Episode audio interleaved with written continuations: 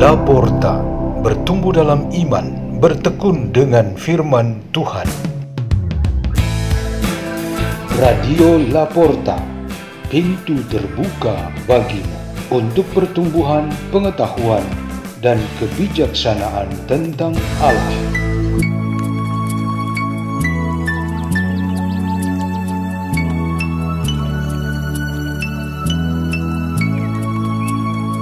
Bacaan dan Renungan Sabda Tuhan Hari Jumat Pekan ke-24 Masa Biasa 16 September 2022 Peringatan Santo Cornelius dan Santo Siprianus, Paus dan Uskup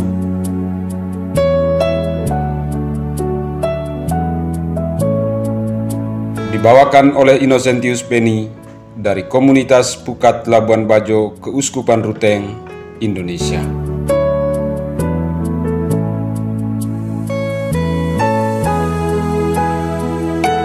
Bacaan dari surat pertama Rasul Paulus kepada jemaat di Korintus bab 15 ayat 12 sampai 20. Saudara-saudara, jika kami wartakan bahwa Kristus dibangkitkan dari antara orang mati, bagaimana mungkin ada di antara kalian yang mengatakan bahwa tidak ada kebangkitan orang mati? Kalau tidak ada kebangkitan orang mati, maka Kristus juga tidak dibangkitkan. Dan andai kata Kristus tidak dibangkitkan, sia-sialah pewartaan kami, dan sia-sia pula lah kepercayaanmu. Apalagi andai kata demikian, kami ternyata berdusta terhadap Allah, karena tentang dia kami katakan bahwa ia telah membangkitkan Kristus, padahal ia tidak membangkitkannya. Andai kata benar bahwa orang mati tidak dibangkitkan. Sebab andai kata benar bahwa orang mati tidak dibangkitkan, maka Kristus juga tidak dibangkitkan. Dan andai kata Kristus tidak dibangkitkan, maka sia-sialah kepercayaanmu, dan kalian masih hidup dalam dosamu. Dengan demikian, binasa pula lah orang-orang yang meninggal dalam Kristus. Dan jikalau kita berharap pada Kristus hanya dalam kehidupan ini, kita ini orang-orang yang paling malang di antara semua manusia. Namun ternyata Kristus telah dibangkitkan dari antara orang mati sebagai yang sulung dari antara orang-orang yang telah meninggal dunia. Demikianlah sabda Tuhan.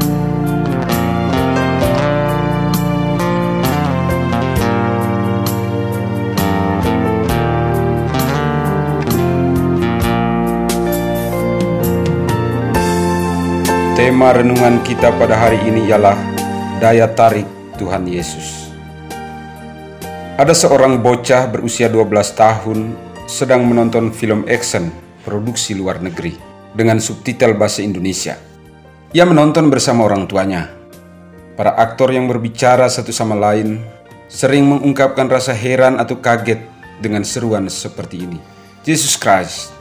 Terjemahan dalam bahasa Indonesia tentu saja menjadi Yesus Kristus. Maka bocah itu berseru, Yesus Kristus hebat, ia selalu ikut main film. Ayahnya menanggapi dengan berkata, Yesus Kristus mempunyai daya tarik yang tidak mengenal batas waktu dan tempat. Meskipun ia tidak bermain film, tetapi ia pasti menarik perhatian para aktor. Ia juga sangat menarik perhatian kita semua.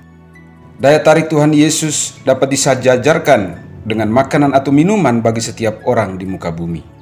Salah satu buktinya ialah ajaran-ajarannya selalu menjadi acuan hidup kita bersama. Ajaran tentang cinta kasih adalah sebuah ajaran universal yang diakui dan dijalankan oleh semua orang. Santo Paulus dalam suratnya kepada jemaat di Korintus menggarisbawahi poin sentral tentang daya tarik Tuhan Yesus Kristus.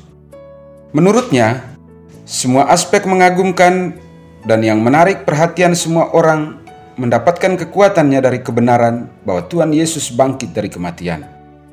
Kebangkitan dari kematian sungguh mengungguli semua bentuk kekuasaan, keajaiban, dan kemampuan apa pun itu di dalam diri manusia dan dunia. Oleh karena itu, Santo Paulus berkata bahwa kalau Kristus tidak dibangkitkan, dan jika pewartaan Injil tidak berisi kebangkitan Kristus, maka sia-sia iman yang kita akui dan kita bangun dalam kehidupan kita. Hidup kita sebagai pengikut Kristus harus juga memiliki daya tarik. Karena itu, kita membawa Tuhan ke mana pun dan bagaimanapun kehidupan kita. Ada dua cara yang dapat kita usulkan. Pertama, persekutuan dan dalam kebersamaan dengan Yesus merupakan standar hidup mutlak, sama dengan para murid, baik pria dan wanita, mengikuti dan menjalani hidup bersama Yesus. Panggilan Kristen tidak cukup dengan terdaftar sebagai anggota gereja dan menjalani rutinitas kegiatan rohani. Kita perlu semakin menikmati persekutuan itu dengan berperan aktif memperkuat dan membangun persekutuan iman kita. Kedua, cara hidup sebagai murid merupakan sekolah dan pelatihan agar kita mampu mempertahankan daya tarik sebagai orang-orang Kristen. Pemuritan Kristen ialah penyangkalan diri, memanggul salib, dan mengikuti Kristus setiap saat.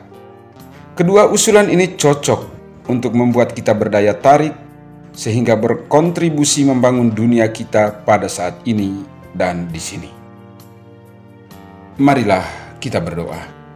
Dalam nama Bapa dan Putra dan Roh Kudus. Amin. Ya Tuhan Yesus Kristus, terpujilah Engkau, cahaya dan kekuatan kami. Kami bersyukur dan berterima kasih kepadamu atas karunia istimewa bagi kami masing-masing untuk menjadi murid-muridmu dan berikrar untuk mengikutimu selalu bahkan sampai di salib. Kemuliaan kepada Bapa dan Putra dan Roh Kudus.